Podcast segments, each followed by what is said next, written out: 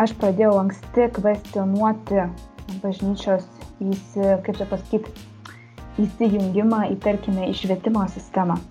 Ne, tarkime, kadangi man buvo brandos atestatas įteiktas bažnyčiai, man buvo iš karto toksai klaustukas, aš Kaune baigiau mokyklą ir iš pradžių galvau, kodėl.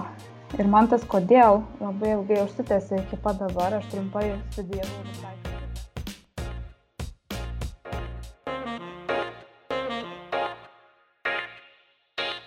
Manau, kad... Ką turėjau omeny? Ar jūs negalvojate? Aš manau, kad tokių dalykų iš vis Aš negali. viso nesuprantu. Nu tikrai ne. Ką turėjau omeny? Aš ne prieš juos, bet.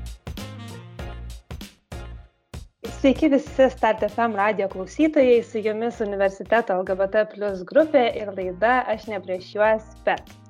Šiandieną su jumis iš na, savo namų studijos sveikinuosi aš Ernesta ir mano kolega Prieglis. Tai labas Priegliau. Labas. Taip, ir šiandien mes a, pokalbiai pakvietėm Augustę Nalivaikę, kuri yra Kauno technologijos universiteto socialinių, humanitarinių mokslų ir meno fakulteto politikos mokslų doktorantė a, bei dėstytoja. Tai labas, Augustė. E, Sveiki. E, Na ir su Augustė norėjom pasikalbėti dėl e, tokių jos em, tyrimo, tyrimų sričių. Tai Augustė aktyviai tyrinėja tiek religijos, tiek lyties temas, em, konkrečiai politikoje. Tai pradėti su tavim, a, Augustė, pokalbį norėčiau nuo tavo tokio straipsnio, kurį pavadinai tulpėmis stiklinių lubų nepramušime, kuris buvo skirtas kaip ir kovo 8 progai. Mhm. Tai a, gal gali plačiau papasakoti apie tą stiklinių lubų metaforą ir patį fenomeną e, ir šiek tiek pasidalinti, galbūt tau pačiai teko susidurti a, su tom stiklinėmis lubomis tiek galbūt mokslo sferoje, tiek politikoje būnant moterimi. E, Tai stiklinių lubų a, metafora yra skirta apibūdinti tokias situacijas, tarkime, kopiant karjeros laiptais, kur, kuriuose moterys gali tik iki tam tikrų pareigų pasiekti tas karjeros aukštumas. Visa kita yra nebepramušama ir dėl to yra tas žodis lubos, o stiklinės tai dėl to, kad jos kaip ir yra nematomos, jos yra sisteminės, institucinės ir kad ir kiek moteris, tarkim, e, stengtųsi toliau siekti karjeros tam tikrose srityse, vis dėlto jos bus sulaikomos ir negalės nieko dėl to pakeisti. Šį straipsnį rašiau taip kovo 8 dienos proga, kadangi pati esu taip pat ir nevyriausybinės moterų teisų organizacijos viena iš įkūrėjų, mūsų organizacija vadinasi Fondas Frida. E, Tai mes labai dažnai, kaip sakant, darome tokią akciją, kad, e, nu, ne akciją, bet tiesiog diskursą tokį formuojame, kad tulpės iš tikrųjų nėra tai, ko moteriams reikia tą dieną. Moteriams reikia lygių teisių, daugiau teisių ir daugiau galimybių. Kaip pavyzdį galėčiau pasakyti iš universiteto, tarkim, aplinkos, tai yra, kad vis dar yra mažai moterų rektorių, mažai moterų yra universitetų senatuose, tarybose, tačiau moteriams praktiškai nėra jokių apribojimų tapti profesorėmis ir e, tarybų narėmis tam tikrų, ypač fakultetuose, tačiau jau lipant aukščiau universiteto organizacijoje mes matysime, kad moterų mažėja. E, Lietuvoje taip pat yra labai daug moterų mokslininkių. E, Čia prieš porą dienų socialiniuose tinkluose taip pat a, mes matėme, kad žmonės dalinasi, kiek daug pas mus yra moterų mokslininkių ir kad mes pirmaujame Europos Sąjungoje e, pagal šitus skaičius, e, kas iš tikrųjų yra gerai. Bet vėlgi mokslininkė, moteris mokslininkė nėra tas pats, kas moteris, tarkime, rektorė arba prorektorė ir ar, tarkim, senato narė. Aš iš tikrųjų nepateiksiu dabar tikslių skaičių, bet aš e, norėjau rašyti tokį straipsnį apie tai, kaip trūksta moterų valdž... e, universitetų valdymo organuose, bet galiausiai taip ir neišėjo man tas straipsnis, e, bet, e, žodžiu, skaičiai tikrai nėra optimistiški šiuo atveju. tiesiog toks pavyzdys. Ar aš esu pati susidūrusi? Aš dar esu labai, kaip sakant, tokia jaunesnioji mokslininkė, dar nesu apsigynus savo daktaro laipsnę. Tai matysim, kol kas nėra jokių problemų, tarkime, mokytis doktorą. Galbūt esu susidūrusi su tokiu kasdieniu seksizmu, bet mm, tai, kad, tarkim, aš negalėčiau, kol kas šiame etape aš nematau, kad kas nors man trukdytų, tarkim, siekti mokslinio laipsnio. O vėliau mes matysime, kaip bus. Tai va, tai tiek apie tas stiklinės lubas, ypatingai tai jaučiasi didelėse korporacijose, valstybės institucijose, tokiuose iš tikrųjų įvairiose sektoriuose, galbūt IT sektoriuose taip pat, bet žodžiu, kuo yra aukštesnės pareigos, tuo mažiau moterų mes matysime užimant tas pareigas.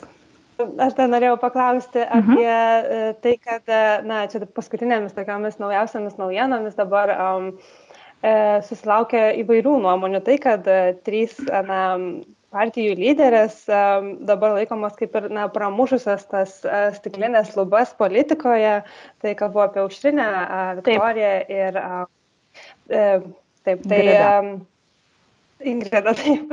Mhm. Tai ar kaip pati tai vertini ir ar tai padės, tarkim, šiek tiek pramušti tas tradicinės vyriškas politinės sferas?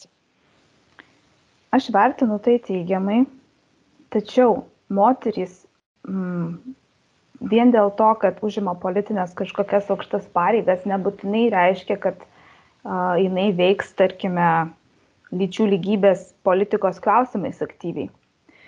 Tai aš manau kad šiuo mūsų lietuvos atveju taip nebus. Aš e, esu asmeniškai bendravusi tiek su aušrine tiek su viktorija tiek su ingrida ir manau kad uh, aš manau bus teigiami pokyčiai e, bet visų pirma nepamirškime kad jos yra trys nu kaip ir bus vadovaujančiose pozicijose bet yra ir visi kiti žmonės yra visas likęs seimas yra įvairios interesų grupės kurios šios tarkime lyčių lygybės progresyves politikas gali stabdyti.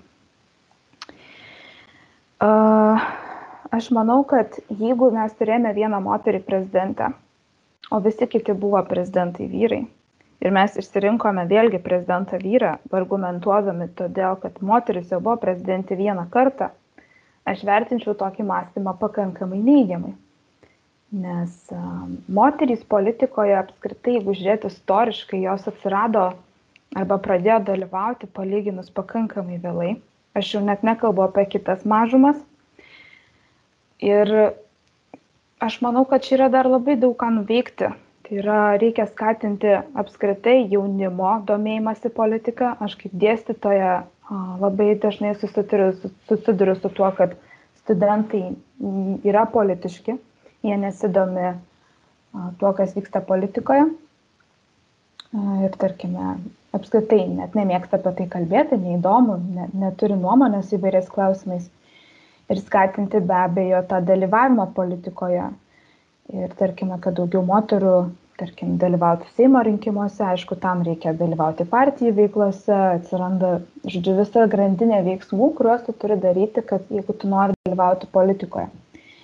Tai manau, kad Lietuvoje dar yra tikrai daug vietos a, teigiamiams pokyčiams šio klausimu bet mes matėme, kad, tarkime, tiek Aušrinės, tiek Viktorijos atveju tai, kad jos buvo partijų lyderės, tikrai nesutrukdė šioms partijoms patekti į Seimą ir rinkėjai balsavo šias partijas.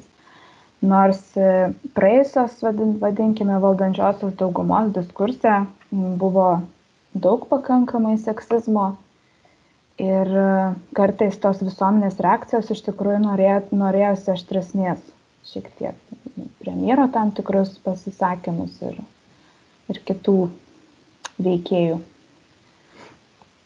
Man tai labai įdomu, vat, jeigu dar tęsiant mhm. šitą temą apie, ir apie uh, įvykusius šitos Seimo rinkimus. Ir aš atsimenu, VU dėstytoja iš TSPMI, Dovilė Jakniūnaitė rašė, mhm. Taip. reaguodama į tą situaciją apie, apie rinkimus, tas išrinktas moteris, kurios bus koalicijai, kad dažniausiai pagal tyrimus matoma, kad moteris į valdžią ateina tuomet, kada būna krizė, ir tiesiog tos pareigos tampa rizikingesnės ir tiesiog dėl to jos dažniau leidžiamos moteriams, kad, e, na, vyrai nenori tiek prisimtos rizikos.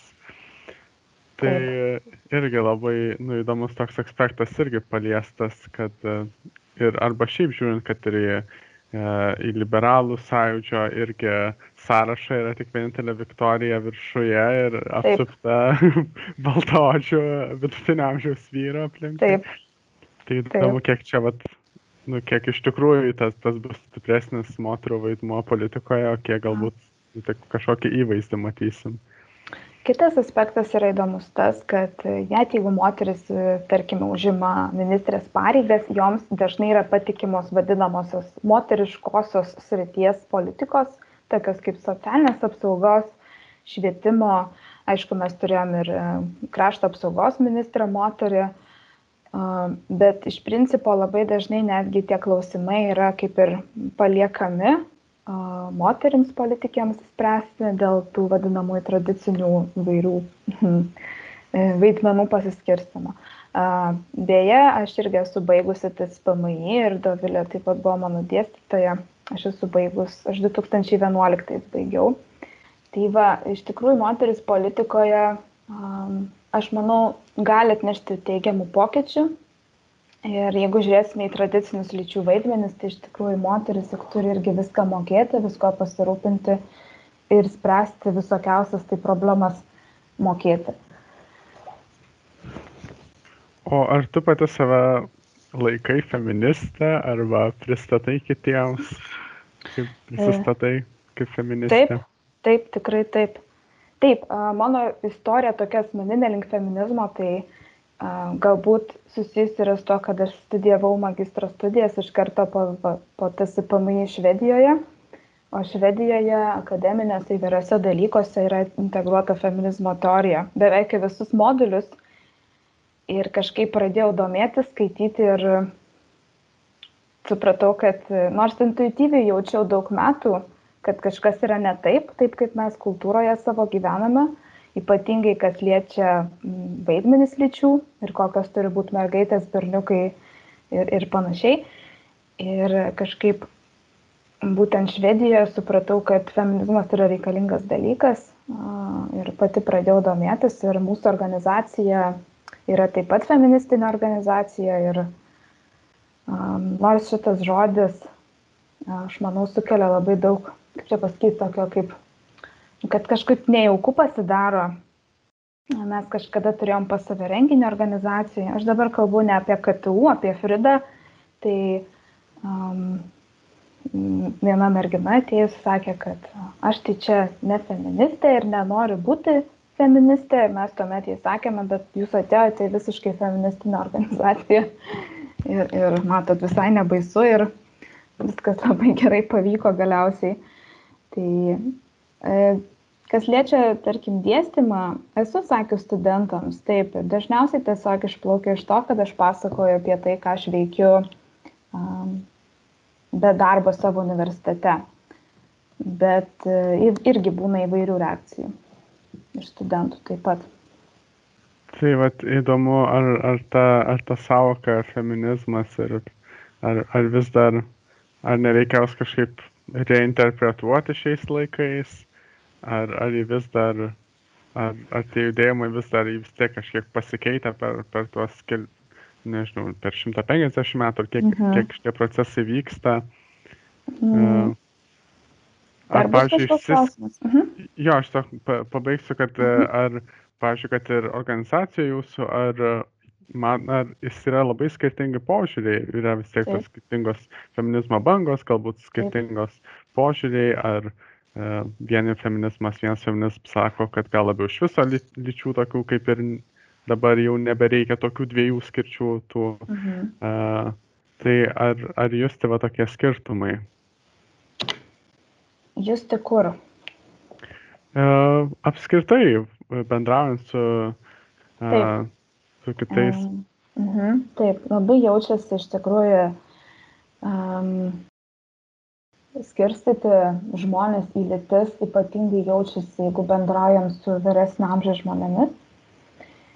E, taip pat savo renginiuose, jeigu, tarkim, moterys ateina arba vyrai, kuriem tarp 40-50 metų bus didesnis skirtumas e, poreičių lygių, e, lyg, lyčių vaidmenims, tarkime, net jeigu yra sutinkama dėl lygybės ar ne reikalingumo, arba kad taip lytis yra lygios, vis dėlto um, lytis yra nevienodos pagal tai, ką jos turėtų veikti ir kaip turėtų gyventi ir, nu, žinot, visus tos šitus dalykus. Jeigu mes bendraujame su paaugliais arba, tarkime, jaunais asmenimis iki 30 metų, jau šiek tiek a, yra skirtumas tikrai.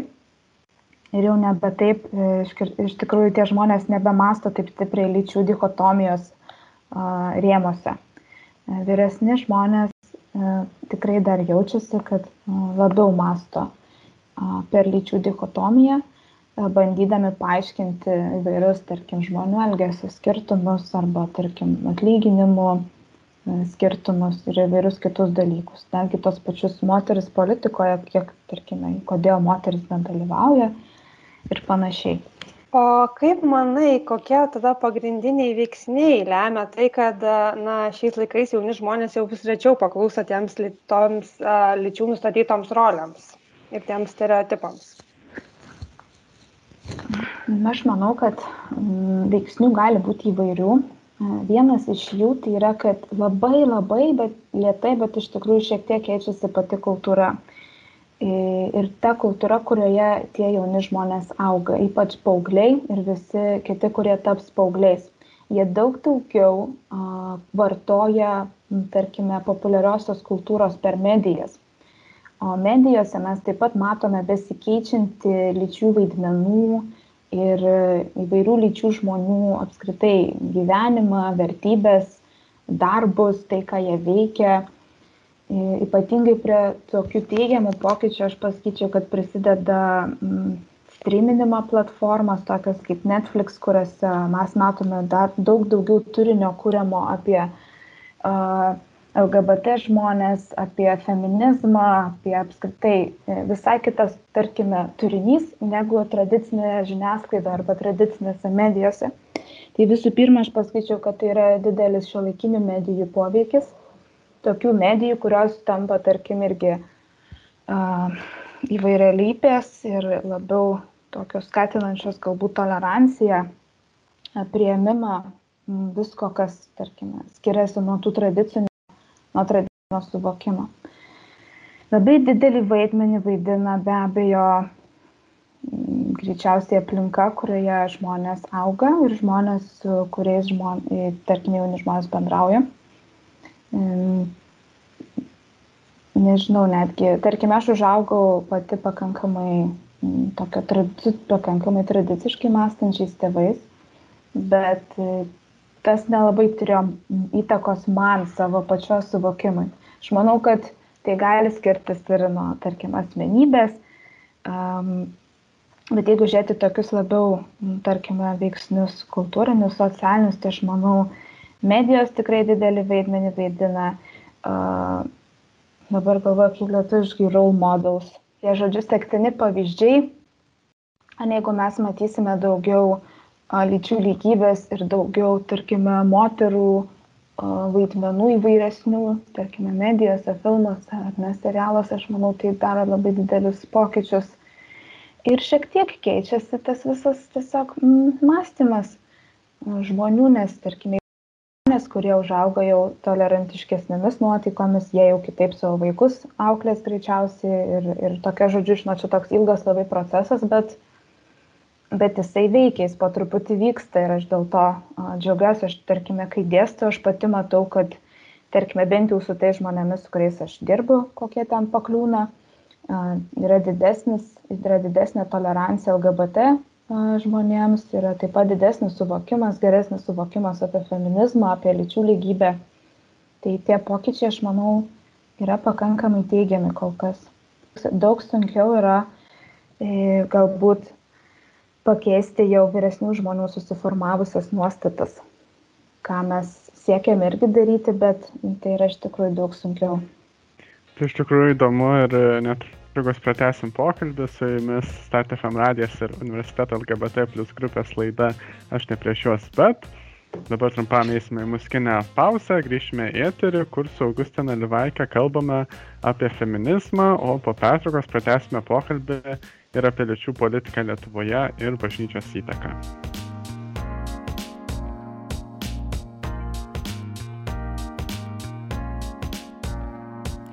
Jei norite pirmieji išgirsti mūsų laidų įrašus bei padėti mums aukti ir tobulėti, kviečiame mus paremti Patreon platformoje patreon.com pasvirasis brūkšnys universiteto apatinis brūkšnys LGBT.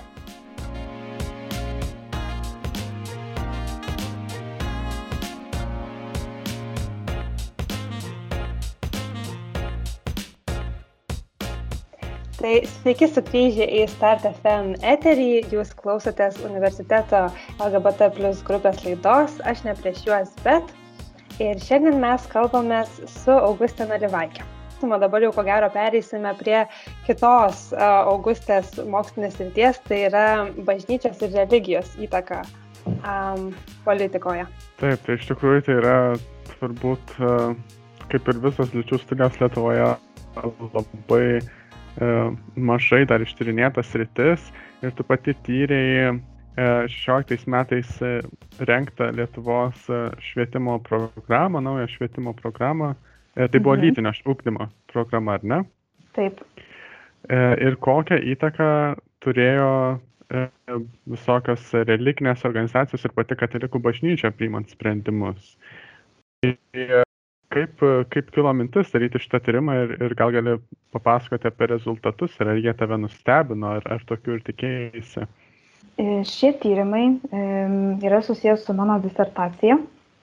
O mano disertacija yra susijusi su neformale politinė įtaka ir e, šiuo atžvilgiu katalikų bažnyčios neformalia politika, politinė įtaka Labai nesiplėsiu įvairius e, teorinius, galbūt ir metodologinius savo tyrimo aspektus, tačiau vienas iš pagrindinių galbūt teiginių būtų, kad e, katalikų bažnyčios įtaka Lietuvoje vyksta daugiau tokios neformalios politinės kultūros kontekste, nors yra iš tikrųjų tai, ką aš ištyriau ir kas man buvo pakankamai nauja, tai yra, kad iš tikrųjų yra sudaryta ir pakankamai daug institucinės prieigos, tokios formalios institucinės prieigos. Ir e, šiuo metu aš, kadangi tai yra paskutiniai mano jau doktorantūros metai, aš jau po truputį krypstu link išvadų ir um, galbūt tai, ką aš uh, savo darbus siekiu atskleisti, yra, kad uh, ta religinė įtaka Lietuvoje veikia kaip čia, aš, aš kadangi rašau darbą angliškai ir nelabai galvojau, kaip lietuviškai reikėtų apie tai pasakoti, tai veikia m, mm, tokie du, tokios kaip ir dvi jėgos. Tai yra viena, tai yra, kad Lietuvoje galbūt istoriškai ir nuo nepriklausomybės pradžios instituciškai susiklosti kultūrinė tokia norma, kad ta religinė įtaka yra jinai primtina, jinai yra morališkai teisinga, bažnyčia yra traktuojama kaip moralinis autoritetas. Aš jo tik tai kalbu atveju, tik tai apie katalikų bažnyčią Lietuvoje, apie kitas konfesijas aš nekalbu. Ir tai leido galų gale atsirasti į tokiam tiesioginiam, tiesioginiai instituciniai prieigai. Angliškai būtų institutional access. Ne, tai yra į įvairios Seimo, Seimo komitetų posėdžių metu, tai yra įvairios darbo grupės, kurios e, veikloje, kurių veiklose gali dalyvauti katalikų bažnyčios atstovai.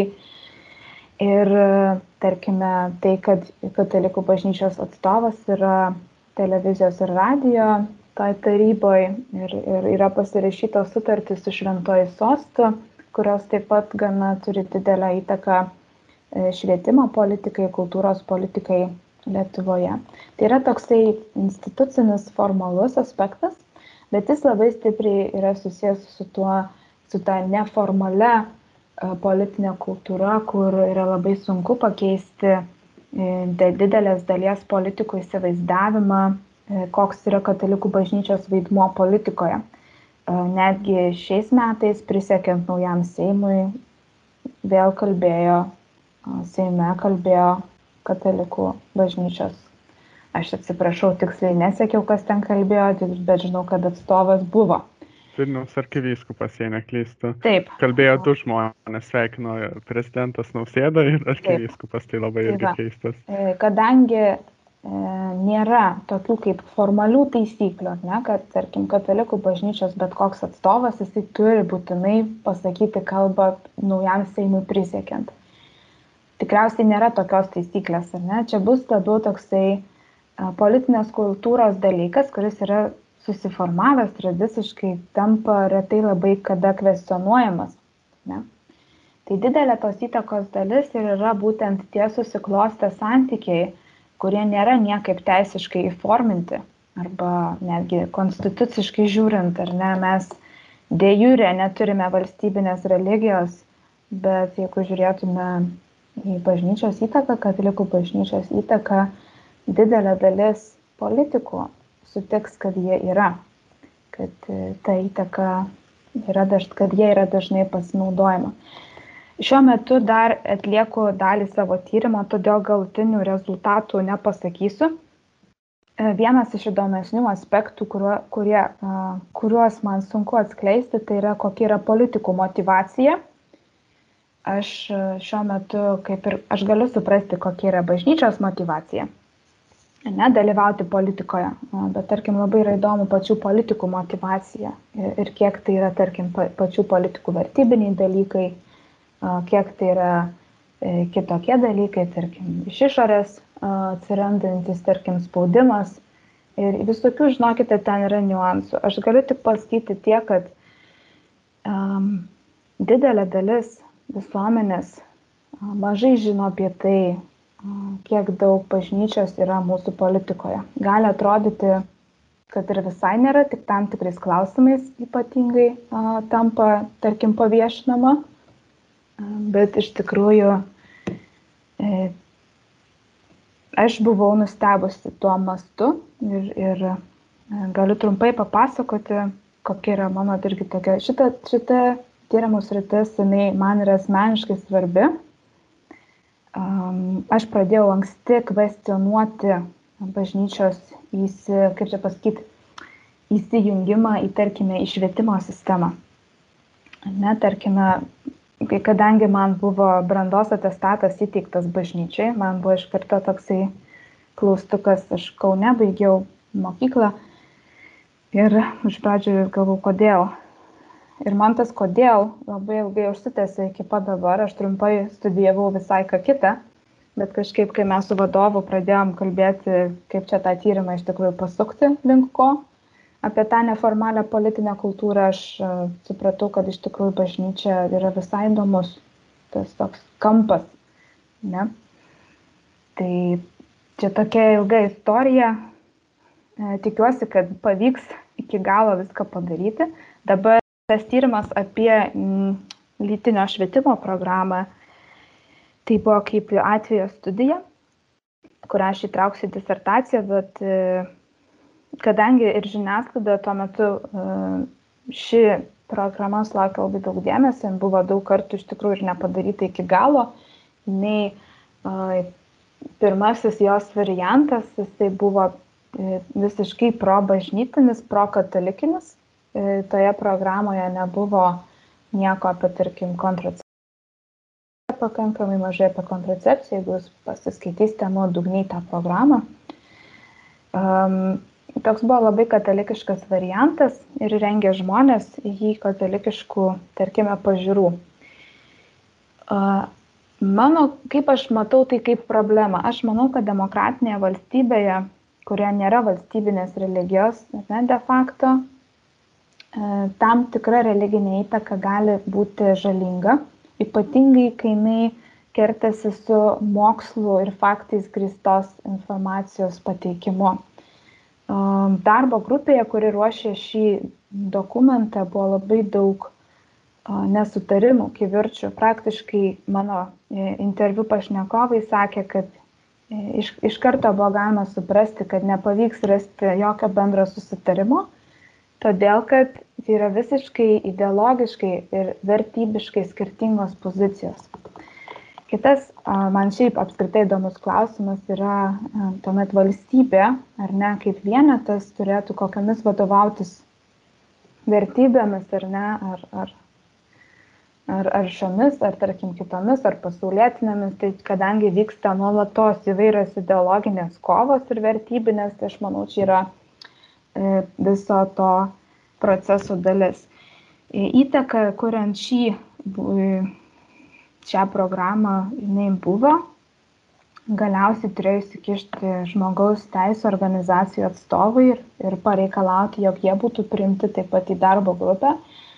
Tai galutinis tas rezultatas iš tikrųjų yra kaip jie patys sako žmogaus teisų atstovai, kad iš tikrųjų geresnis negu galėjom tikėtis, bet jeigu jūs nuodugniai patys, tarkime, dviese, ar bandėte paskaityti tą programą, jeigu jūs ją skaitysite, jūs atrasite tam tikrų tenai elementų, kur vertybiškai yra, um, kaip čia pasakyti, linksta labiau link tų religinių vertybių, ne pasaulietinių vertybių. Tai va, o... Ir aš skaitydama mhm. tą tavo straipsnį, besiruoždama laidai, iš tikrųjų man labai ir patiko ta tavo mintis, kaip tu rašiai, kad ta lytinio švietimo programa tapo tarsi katalikų bažnyčios pažiūrų įkaitė, kad na, vis tiek ne, neišėjo pilnai atsiriboti nuo tos katalikų bažnyčios. Ir tai yra mhm. tarsi, na, ne tiek, tiek ir um, lytinio švietimo sferoje, bet tai na, galioja tikriausiai ir kitose sferose, kaip reprodukcinių teisų, Taip. ar eutanazijos. Tai yra tiesiog Taip. bandymas apibriežti tam tikrą vertybinę sistemą visuomenėje ir tiesiog tai tarsi netgi neleidžia pasirinkti iki galo žmonėm, kuom jie turėtų vadovautis. Taip, taip. E, ta mintis, kad e, lytinio švietimo politika tapo įkaitė, tai buvo išsakyta Esmeraldos Kulešytės jinai yra reprodukcinės sveikatos centro vadovė, tai jinai išsakė šią mintį žiniasklaidoje, bet aš manau, kad visai gerai tiko tokia kaip metafora apibūdinti. Todėl, kad tos programos kūrimas iš tikrųjų jis labai daug strigo, vien dėl to, kad nebuvo tai tik tai pasaulietinių vertybių, e, tarkime, iškomunikavimo produktas ir labai skirtosi tos vertybinės nuostatos dėl to pačio, tarkim, dėl tos pačios kontracepcijos, reprodukcinių teisių, galų gal jeigu mes matome pavadinimą rengimo šeimai, ne, jau tai yra pakankamai stiprus konservatyvus elementas tos tradicinės šeimos savokos. Ir jisai atsiradęs yra pas mus, bet aš labai noriu pabrėžti, kad Lietuvos šitas atvejis, jisai nėra jokių atvejų, jis yra visiškai neunikalus. Ne, valstybėse, kuriuose dominuoja katalikų bažnyčia arba katalikybė kaip religinė, um, kaip religija, Tai yra pakankamai, pasakyčiau, kaip ten yra normalizuotos, tai yra normalizuota praktika, kad, kad ta įtaka yra ir jinai formuoja politiką. Rengimo šeimingi programas taip pat yra Lenkijoje, Kroatijoje ir, ir manau kitose valstybėse, kuriuose dominuoja katalikybė kaip pagrindinė religija. Kita vertus. Taip, ir ko gero. Mhm. O, tesk. Aš dar tiesiog norėjau pasakyti, kad, tarkime, rašydama šią disertaciją, aš, kadangi disertacija reiškia labai daug skaitimo, ar ne, to, ką jau visi kiti ištyrė, e, aš pamačiau, kad ta religinė įtaka nebūtinai koreliuoja su mm, dominuojančia religija, ne, tarkime, arba pagrindiniai tyrimai religinės įtakos srityse yra atliekami kalbant apie vadinamąsias moralės politikas arba su morale susijusias politikas. Tai reiškia, kad a, bažnyčia dažniausiai stengsis paveikti politikų susijusių su LGBT, moterų teisėmis, dirbtinio apvaisinimo, eutanazijos, prostitucijos, narkotikų legalizavimo rėmose, ar ne? Kitur mes pamatysime pakankamai mažai tos įtakos kadangi čia dažniausiai radikaliai kertasi vertybinės pozicijos, bažnyčia yra e, be abejo tas, kas turi atstovėti ar ne už tas vertybės religinės ir, ir paveikti politiką. Bet ne visose valstybėse mes matysime, kad ta įtaka vienodai veikia. Tarkime, Ispanija daug anksčiau, jeigu aš neklysiu, bet man atrodo, jinai yra pirmesnė legalizavo same-sex marriages negu Italija. Ne, bet tiek Ispanija, tiek Italija yra katalikiškos valstybės. Taip, labai jau didelė dalimi katalikiškos. Tai čia yra vienas iš tokių mokslinių straipsnių, kuris man labai patiko ir iš tikrųjų padėjo pamatus mano pačios tyrimui apie tą institucinę prieigą, kad net esant, tarkim, katalikų daugumai, bet bažnyčia, jeigu neturi institucinės prieigos, vis dėlto įtaka bus daug sunkiau padaryti, negu kai institucinė prieiga yra Lietuvoje. Yra ta tikrai institucinė prieiga, kuri būna sustiprinta dar ir neformalios politinės kultūros, kuri yra primta. Taip, Ernesta, norėjai dar kažko paklausti.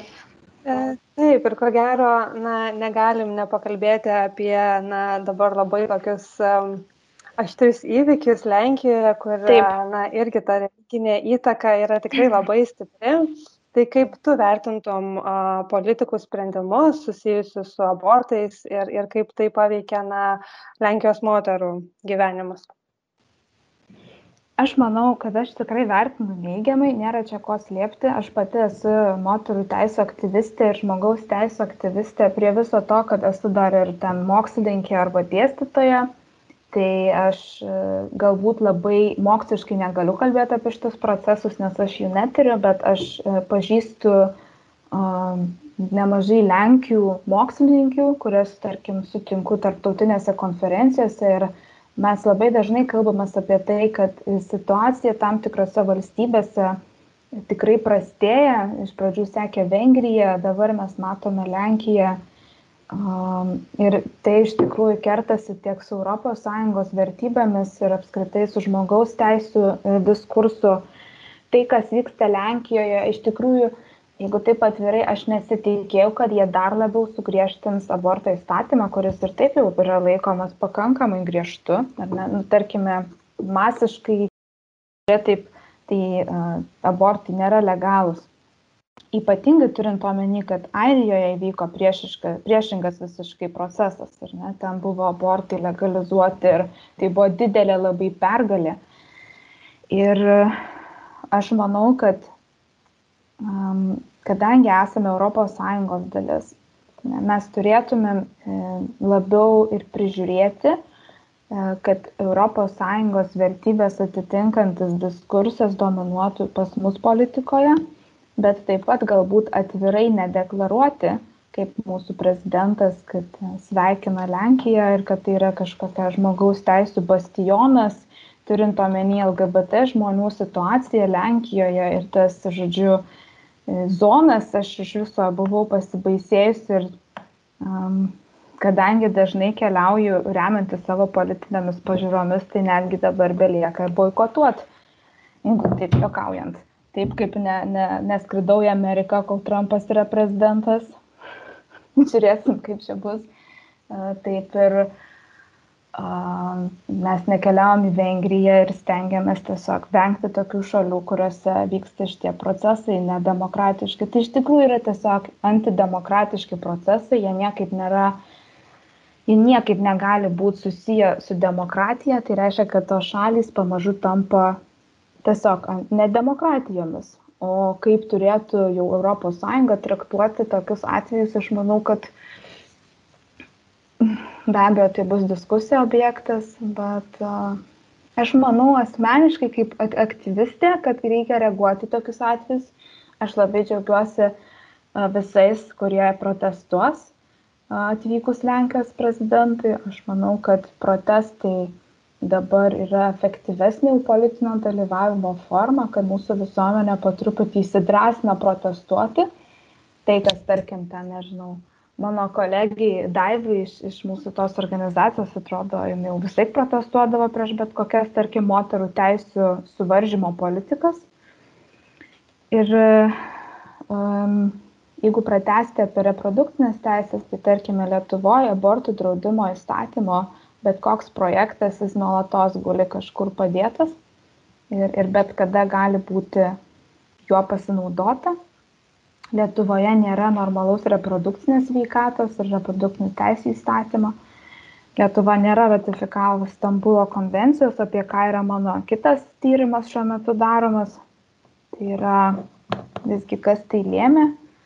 Aš manau taip žiniasklaidos ir, ir, ir iš savo interviu galima sakyti, kad tos katalikų bažnyčios įtakos buvo, bet taip pat buvo labai didelis ir tuo metu valdančiosios daugumos pasipriešinimas Stambulo konvencijai. Tai toksai dvigubas efektas, o žiūrėsime, kaip bus šioje kadencijoje. Aš turiu didelės viltis, bet kita vertus, ta dauguma yra gana trapi ir reikėtų didesnės Seimo narių galbūt paramos siekiant ratifikuoti šią konvenciją. Tai netrukus pratęsime pokalbį. Jūs klausotės universiteto LGBT plus grupės laidos Aš ne prieš juos, bet čia yra StatFM radio eteris. Kalbame su Augustina Livaikė ir netrukus grįšime į eterį.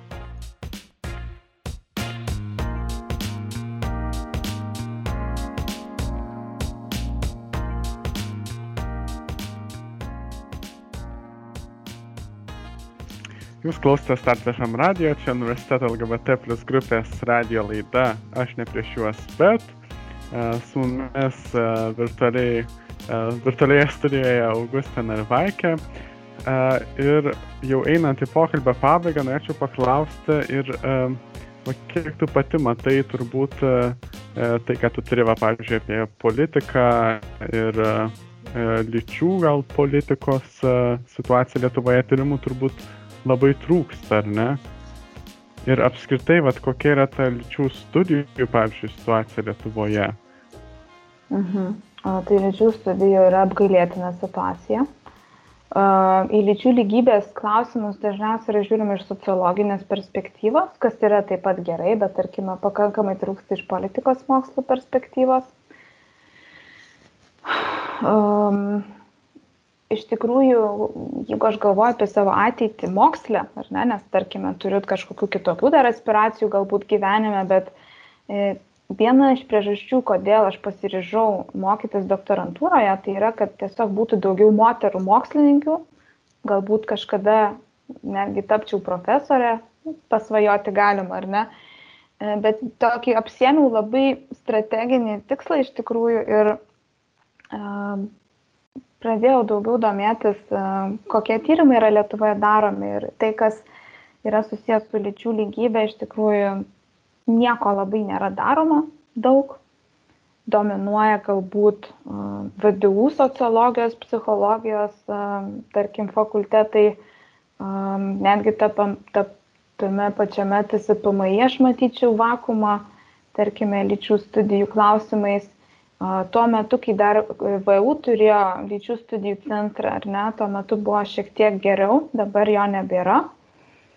Um, Lietuvoje tai 2015 metais e, Juratė Juškaitė ir, ir kiti organizavo lyčių studijų mokyklą vasaros, kurioje aš dalyvavau ir buvau labai labai laiminga. Ir, ir mes kalbėjom daug apie tai, kad kodėl net nėra nei vienos studijų programos ir ne lyčių lygybės, kas, tarkime, užsienyje jau yra defaultinė opcija, bet daugelį universitetų. Žia? Tai aš galiu be abejo galvoti apie tai, ką aš pati galiu padaryti, nes taip iš tikrųjų žmonės, kurie aktyviai kažką veikia, jie dažniausiai taip ir masto, bet e, norėčiau turbūt tęsti tyrimus lyčių lygybės klausimuose bet vėlgi tam reikia finansavimo, tam reikia, kad būtų bendras sutarimas, kad to reikia. E, dabar socialiniai mokslai, ypač politikos, sociologijos, galbūt aš sakyčiau, kad šiek tiek išgyvena krizę tame kontekste, kad informacijos mokslai ir kompiuterių mokslai, fizikos ir, nu, žodžiu, visi tie, kur aiškina mūsų realybę, bet ne tą socialinę realybę, bet kitą, jie dominuoja ir aš manau, jie dominuoja visai pagristai, bet Taip pat turime atsisukti ir į tos mūsų žmogiškuosius aspektus, žmogiškojo gyvenimo aspektus. Ir jeigu mes e, galvosime, kad lytis vis dar reiškia labai daug mūsų visuomenėje, nekalbu apie tik Lietuvos, apskritai globaliai lytis yra vienas iš tų aspektų, ką mes pirmiausiai norime sužinoti apie žmogų, lytis tai būtų kažkokia informacijos paketas ir jūs jau žinote, ką reikia su tuo žmogum daryti arba kaip su juo bendrauti vien pagal jo lytį. Tai galbūt keičiasi tam tikrose kultūrose greičiau negu kitose.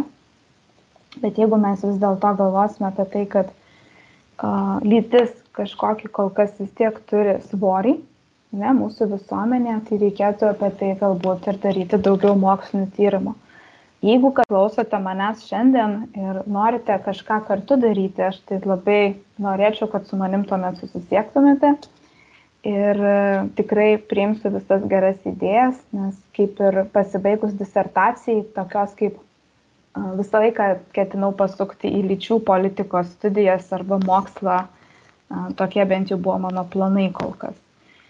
Tai yra vakumas Lietuvoje tikrai, aš manau, reikia jį pildyti um, stengiantis turbūt atsiriboti nuo kai kurių visuomenėje, tarkime, vyraujančių neigiamų nuostatų arba ten samokslo teorijų. Čia kalbu apie genderizmo ideologiją, liktais kažkas tai būtų, žinai, viskas jau žlugs visa visuomenė, jeigu tik žmonės pradės kalbėti apie lyčių lygybę. Bet aš manau, kad dabar mes matome gana daug ir teigiamų pokyčių, vien tai, kad yra radio laida tokia, tai yra jau teigiamas pokytis mes daugiau matome aktyvistų, mes matome ir tarp naujų Seimo narių tos pokyčius. Tai iš tikrųjų reikia tikėtis, kad Lietuva atgal nežengs to didelio žingsnio, kaip žengia Lenkija šiuo metu. Ir nežinau, tokio, norėčiau taip su viltimi pabaigti. Ir, ir, ir žiūrėk, kad tikėtis, kad iš tikrųjų bus geriau bet iššūkių tikrai yra apščiai, tikrai.